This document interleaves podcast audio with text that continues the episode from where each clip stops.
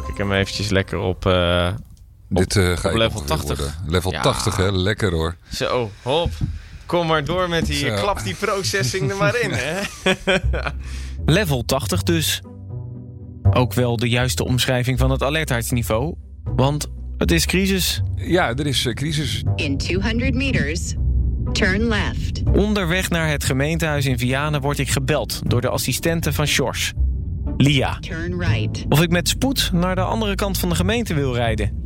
Want daar is het crisisoverleg van de burgemeester. We zitten nu eh, in eh, Leerdam op het gemeentehuis. Een van onze drie locaties. Maar eh, Leerdam is ook de crisislocatie. Dus als er iets is, dan komt het crisisteam op deze locatie bij elkaar. En je moet ook altijd eh, daar binnen een uur kunnen zijn. Ja, stel je eens voor. Je besluit helemaal iets anders te gaan doen met je leven.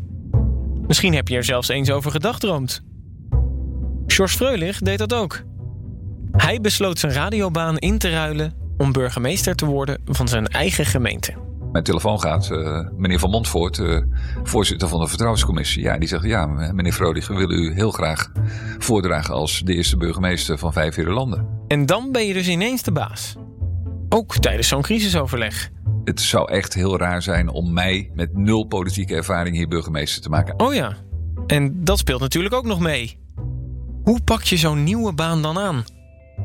Daarom volg ik Sjors in zijn eerste jaar in deze podcast. Trouwens, waar ging dat overleg eigenlijk over? In dit geval gaat het om eh, het beveiligingssysteem. All set. Let's go. Een man in zijn eerste crisis. Dit is gebeurd, dit is gebeurd. Dit hangt nog. Oké, dan gaan we er geen vinkje aan geven. Dus het is heel gestructureerd. En dat ben ik niet. Met een jaarwisseling die anders verliep dan verwacht. Een soort eh, surrealistisch eh, filmdecor. Maar het was wel echt natuurlijk. En een gepeperde rekening. Ja, tientallen miljoenen euro's qua schadeclaim. Ik ben Kees Dorrestein en dit is een jaar burgemeester. Aflevering 2, januari 2020.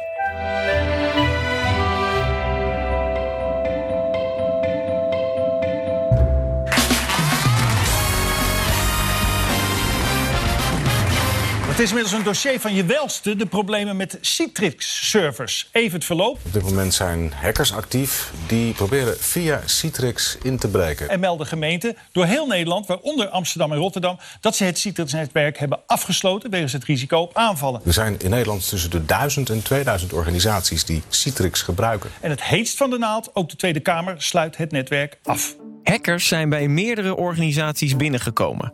En Vijf Herenlanden gebruikt dit systeem ook. En dus besloot Sjors de avond voor dit overleg... het hele gemeentenetwerk op zwart te gooien.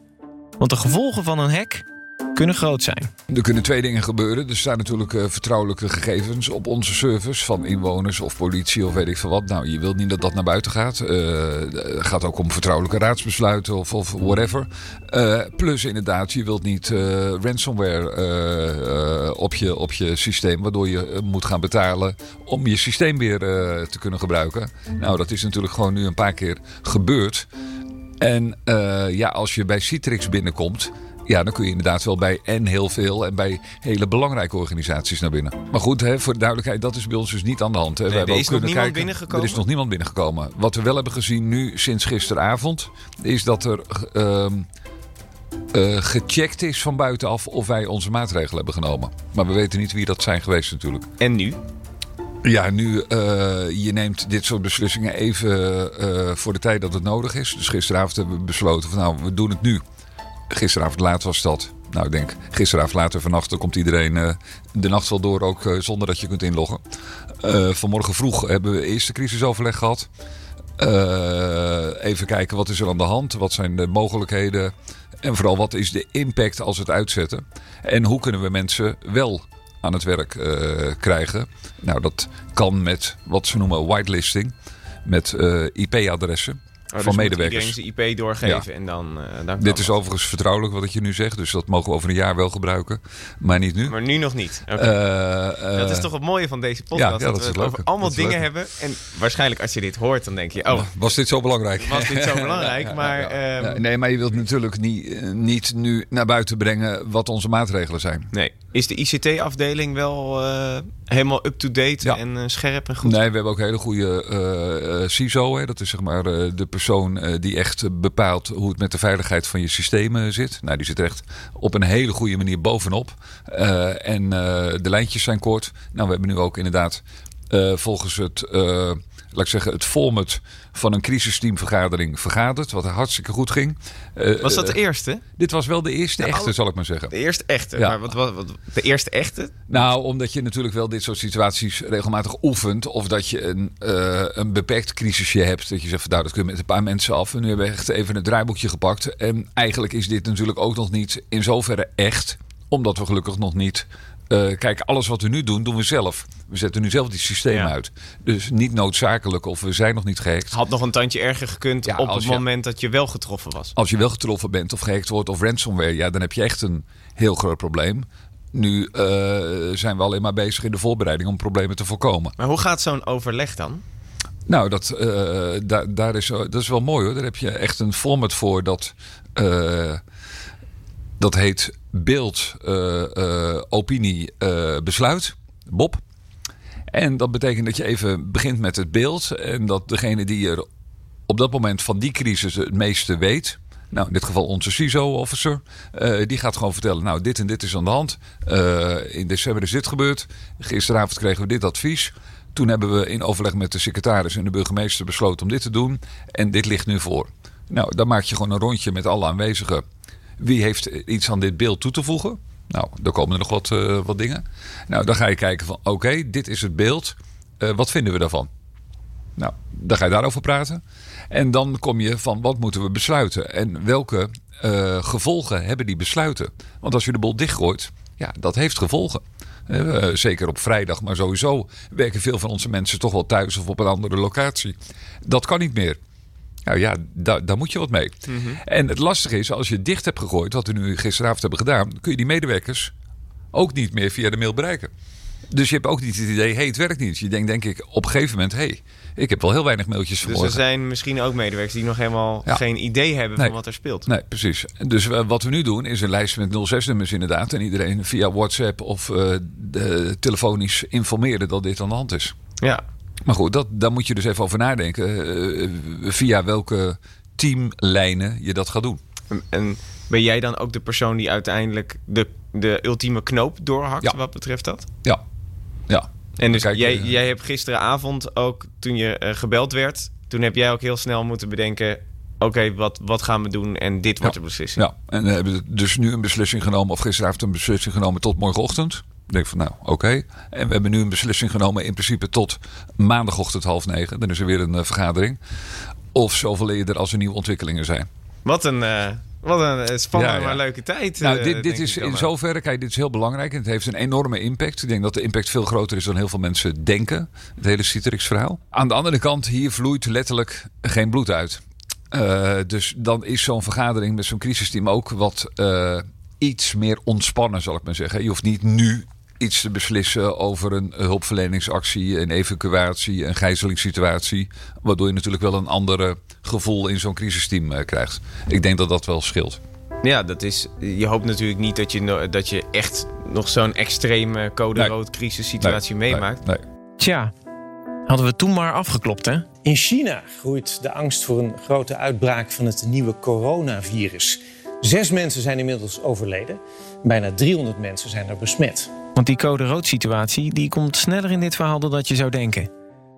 Wat betreft deze crisis zat Sjors er eigenlijk heel relaxed in. Nee, gewoon een goede, eh, hele geconcentreerde energie. eh, die je in dat soort situaties moet hebben. Maar ook wel. Eh, Het ligt natuurlijk ook wel heel erg aan wat voor mensen je om je heen hebt. Kijk, er gebeuren allemaal dingen om me heen waarvan ik denk: oké, dat is al geregeld. Oh, dat is al gevraagd. En de vergadering is nog niet afgelopen. Of op het scherm achter me staat gelijk eh, de noodtoelen en de besluitenlijst. Gewoon binnen vijf minuten. Ja, dat zijn natuurlijk dingen waar ik eh, denk: oké, oh, oké, oké.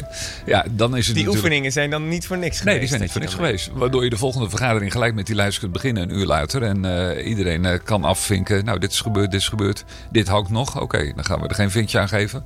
Dus het is heel gestructureerd. En dat ben ik niet. Dus ja, dan, eh, dan is dat wel fijn om, eh, om daardoor geholpen te worden. Deze crisis bracht me in ieder geval voor het eerst in het gemeentehuis van Leerdam. Zoals je misschien vorige aflevering hoorde, heeft Sjors er drie. Het Leerdamse gemeentehuis is dan wel minder karakteristiek dan die in Vianen. Door de wit-blauwe pilaren aan de buitenkant heeft het eigenlijk wat weg van een sportpaleis.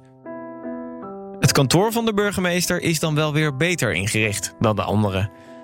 Als je binnenkomt, zie je direct een tafelgroot schilderij aan de muur hangen.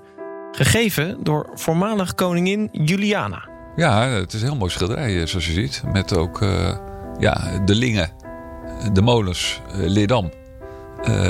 Dus ja, dat, dat misstaat niet op de Kamer van de burgemeester. in Zo'n, echt zo'n traditionele grote Ja. gouden lijst. Ja, ja precies. zo Echt zo'n zo'n Rembrandt-lijst hè, is het een beetje. En, Ja. en ik zie de, eh, een hamer eh, daar liggen. De- is dat de burgemeesters? Nee, hamer nee, die lag hier gewoon. Die ligt er nog steeds. Je zit daarnaast. Een willekeurige hamer. Ik, de hamer. ik, ik, ik denk dat het timmerman heeft laten liggen. Nee, het is wel een voorzittershamer. Ik weet niet eens, zal hem even pakken.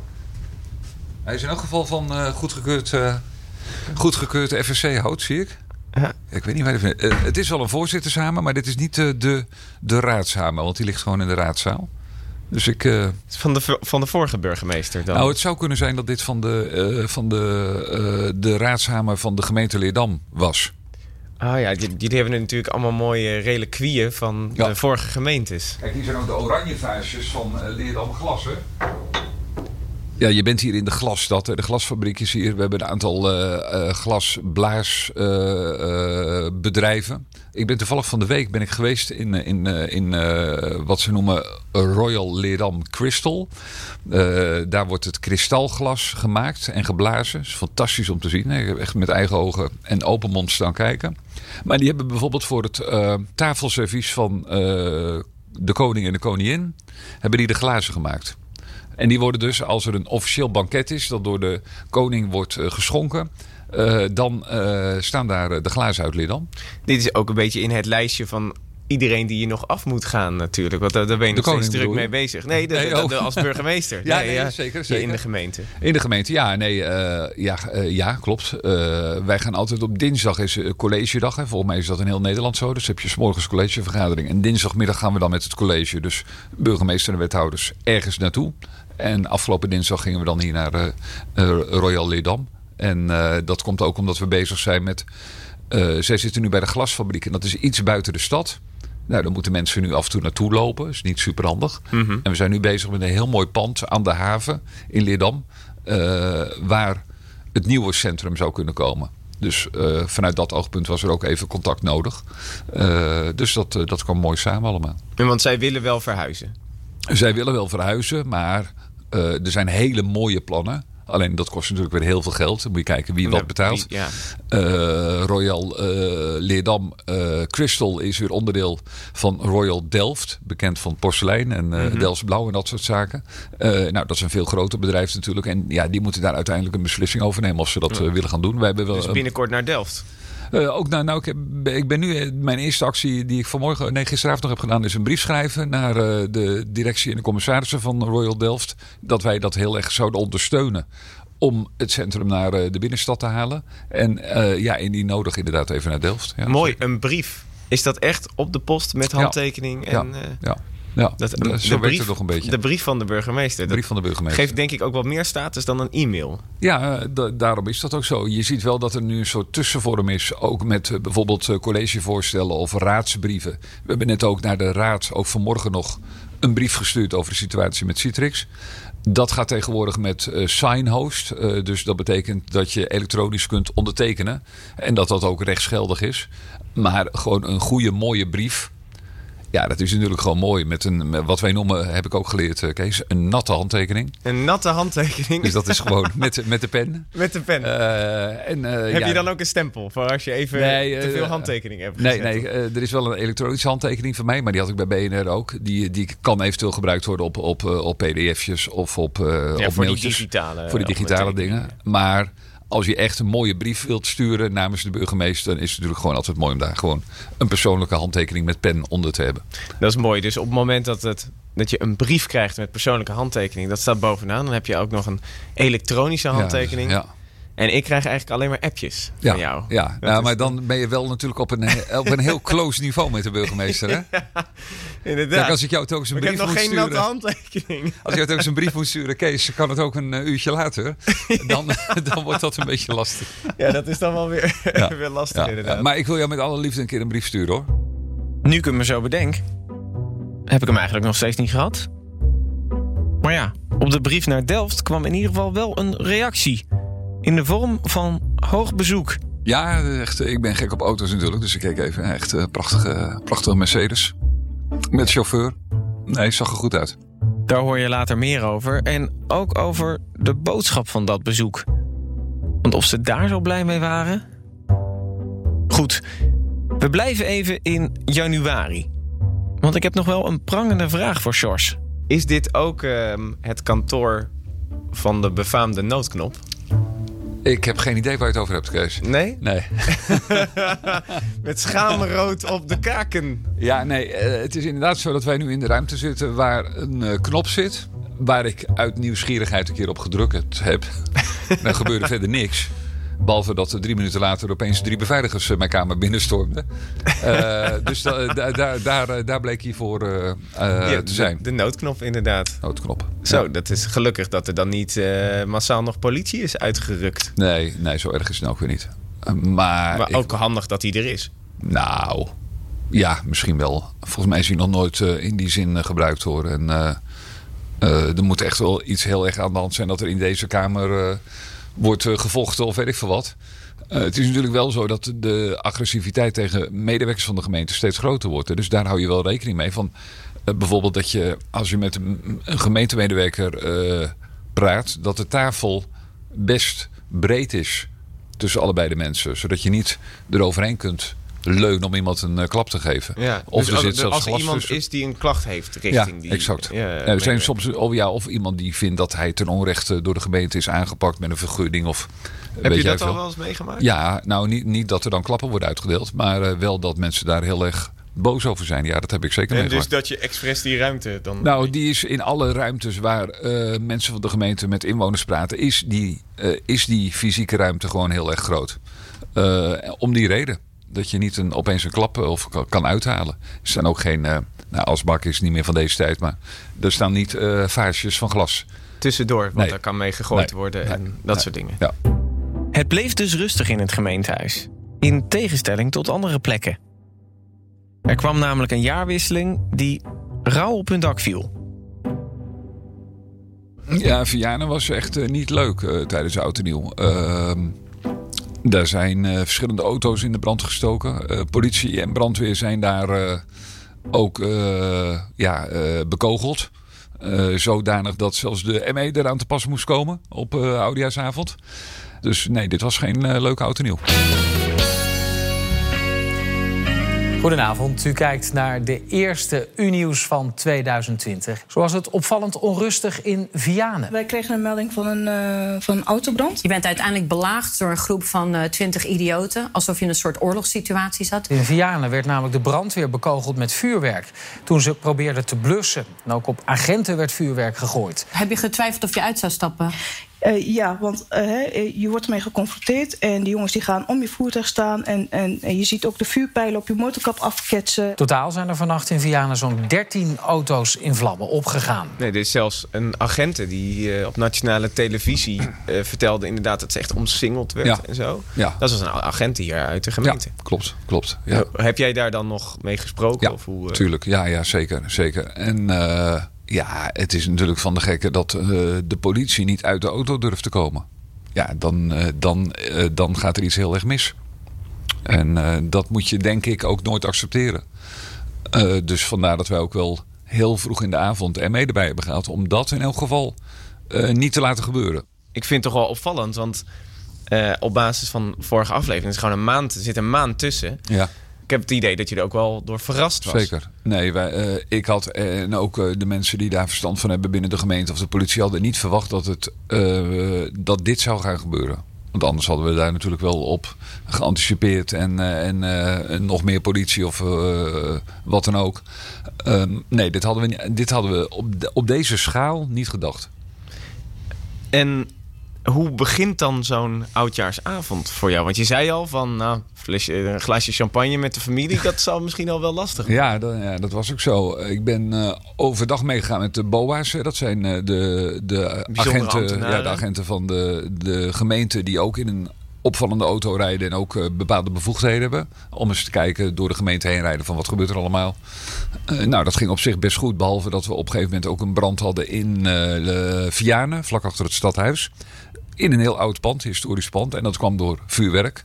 Dat was weliswaar, ja, eh, pech, ongeluk. Eh, er is niet bewust is dat pand in de fik ge- gevlogen, maar door een hele grote ontploffing is er wat, zijn er wat vonken onder, onder dakpannen geraakt. En is dat eh, vlam gaan vatten. En op een gegeven moment kwam er allemaal rook uit dat dak. En ja, was daar dus brand onder. Nou, dat, begon, dat was eind van de middag. Toen ben ik naar huis gegaan. En kreeg ik al heel snel, om een uur of zeven, half acht, door. Het gaat helemaal mis in Vianen met eh, auto's in de fik. En Als vooral- door van, eh, je werd gebeld door Ja. de politie van Ja. dit is ja. er gaande. Ja, dit is er gaande. Eh, toen ben ik daar naartoe gegaan. Eh, toen was ook duidelijk dat de politie en brandweer eh, hun werk niet konden doen. Nou, dan is er overleg met de teamchef van de politie en de burgemeester. eh, advies ME inzetten. Eh, nou, dat hebben we toen gedaan. Dus de ME kwam toen, geloof ik, uit Utrecht of uit Nieuwegein. En eh, nou, dat was eigenlijk vrij snel en vrij rustig en gedisciplineerd is dat eh, verlopen.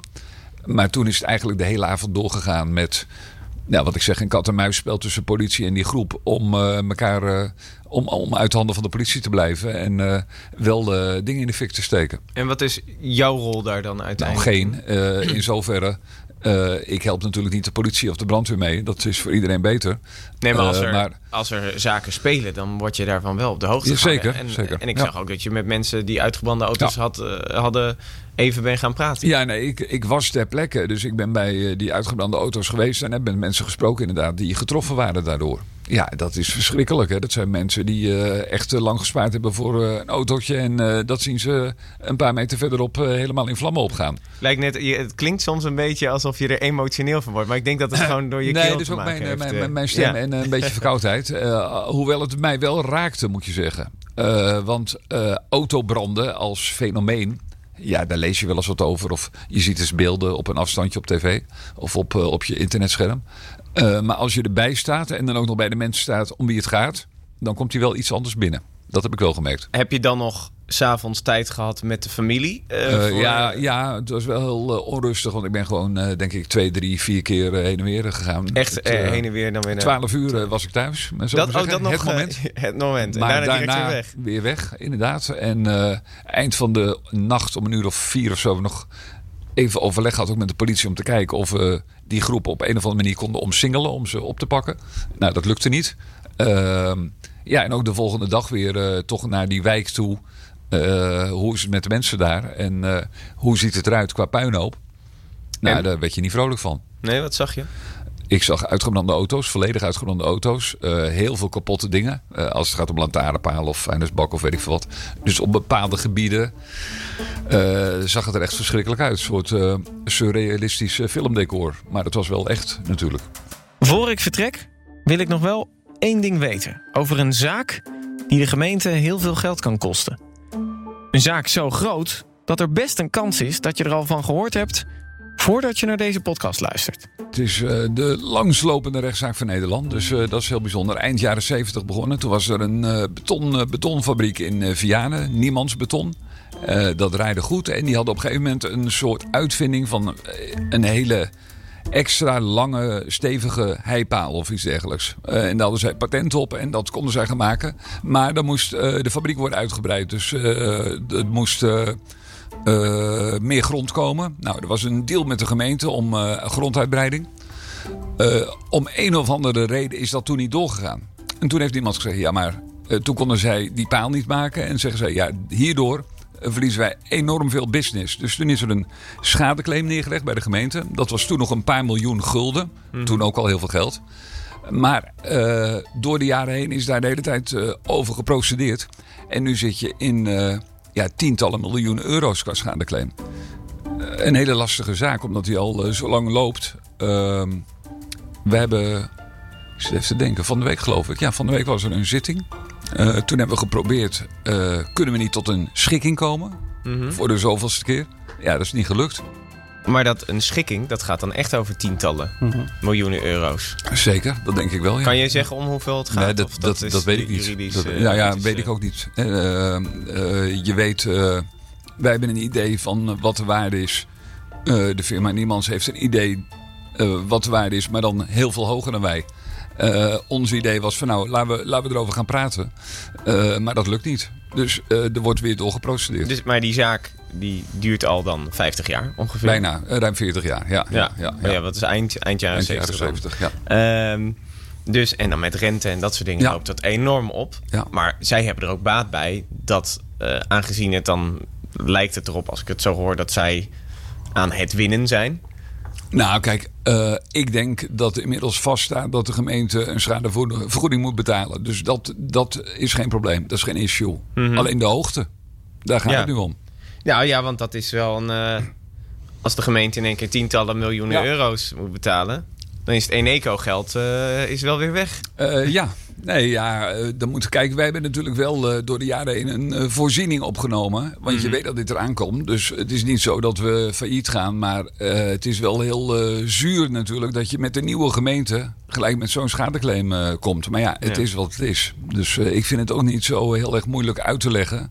Het is gewoon uiteindelijk een uitspraak van de rechter die wij natuurlijk gaan volgen. Maar, ben jij hoofdverantwoordelijk eh, hier uiteindelijk voor? Of is dat de wethouder van justitie of van eh, wat is Nou, het, de kijk, wethouder eh, van financiën dan? Eh, het college is gewoon het college. Dus het college is voor alle besluiten gezamenlijk verantwoordelijk. Dus ook voor Mhm. dit besluit. Ja. En eh, toevallig ligt dit eh, wat meer op het bordje van de burgemeester, omdat het zo'n grote zaak is, ook publicitair. Ja. Eh, dat was al zo bij de vorige burgemeester, dus dat, dat houden we even zo. ja, want als het hier een uitspraak over komt, is dit landelijk nieuws. Het kan zijn dat, Ja, dat als je dit Zeker. luistert, denk je, ja, dit ken ik al. ja, ja, zeker. Ja, ik hoop het. ja, ja, dan, is, Ja, dan ben jij er vanaf. afgelopen. Dan is het afgelopen. Ja. Het, het schikkingsbedrag hebben jullie al staan, want anders hadden jullie dat niet voorgesteld natuurlijk. Eh, ja, ja, ja, ongeveer wel. Ja, Ja. ja. ja, dus dat is wel een... eh, Nou, maar het is veel geld. Zeker, ik kan er eh, leuke dingen mee doen. En hoe gaat dat nu verder? Komt er binnen een jaar een uitspraak? Ik hoop het, maar ik durf het niet te zeggen. Ik hoop het heel erg. Die hoop, die komt uit tijdens deze serie. Het is de langstlopende rechtszaak in ons land. Die tussen de gemeente Vijfherenlanden en het bedrijf Niemands Beton. En vandaag, na ruim 40 jaar procedure, is er een uitspraak. En die is toch wat anders dan George verwacht had. In de volgende aflevering kan je precies horen wanneer George niet zo lekker in de wedstrijd zit. Ja, ik, ik heb gewoon een stemprobleem. Dat is heel simpel. Dat komt eh, nu extra naar boven. Heeft hij besloten om open kaart te spelen. Ook, ook bij vervelende dingen. En is de burgemeestersauto nog wel een dingetje. Ik bedoel, er staat nergens dat het niet mag, hè? Als ik met een Ferrari eh, rond wil rijden, kan dat gewoon. Je hoort het allemaal in aflevering 3 van Een Jaar Burgemeester. Daarom is het ook vooral een aanrader om te abonneren, want dan krijg je direct een melding wanneer die aflevering online staat. En kan je het verhaal snel weer vervolgen. Tot volgende maand, Kees. En dan eh, moeten we even kijken waar we afspreken. Ja, inderdaad. We hebben er nog één gemeentehuis over. Ja, we hebben meer kerk nog. Nou, daar komen we nog wel het komend jaar. Maar dat beloof ik je.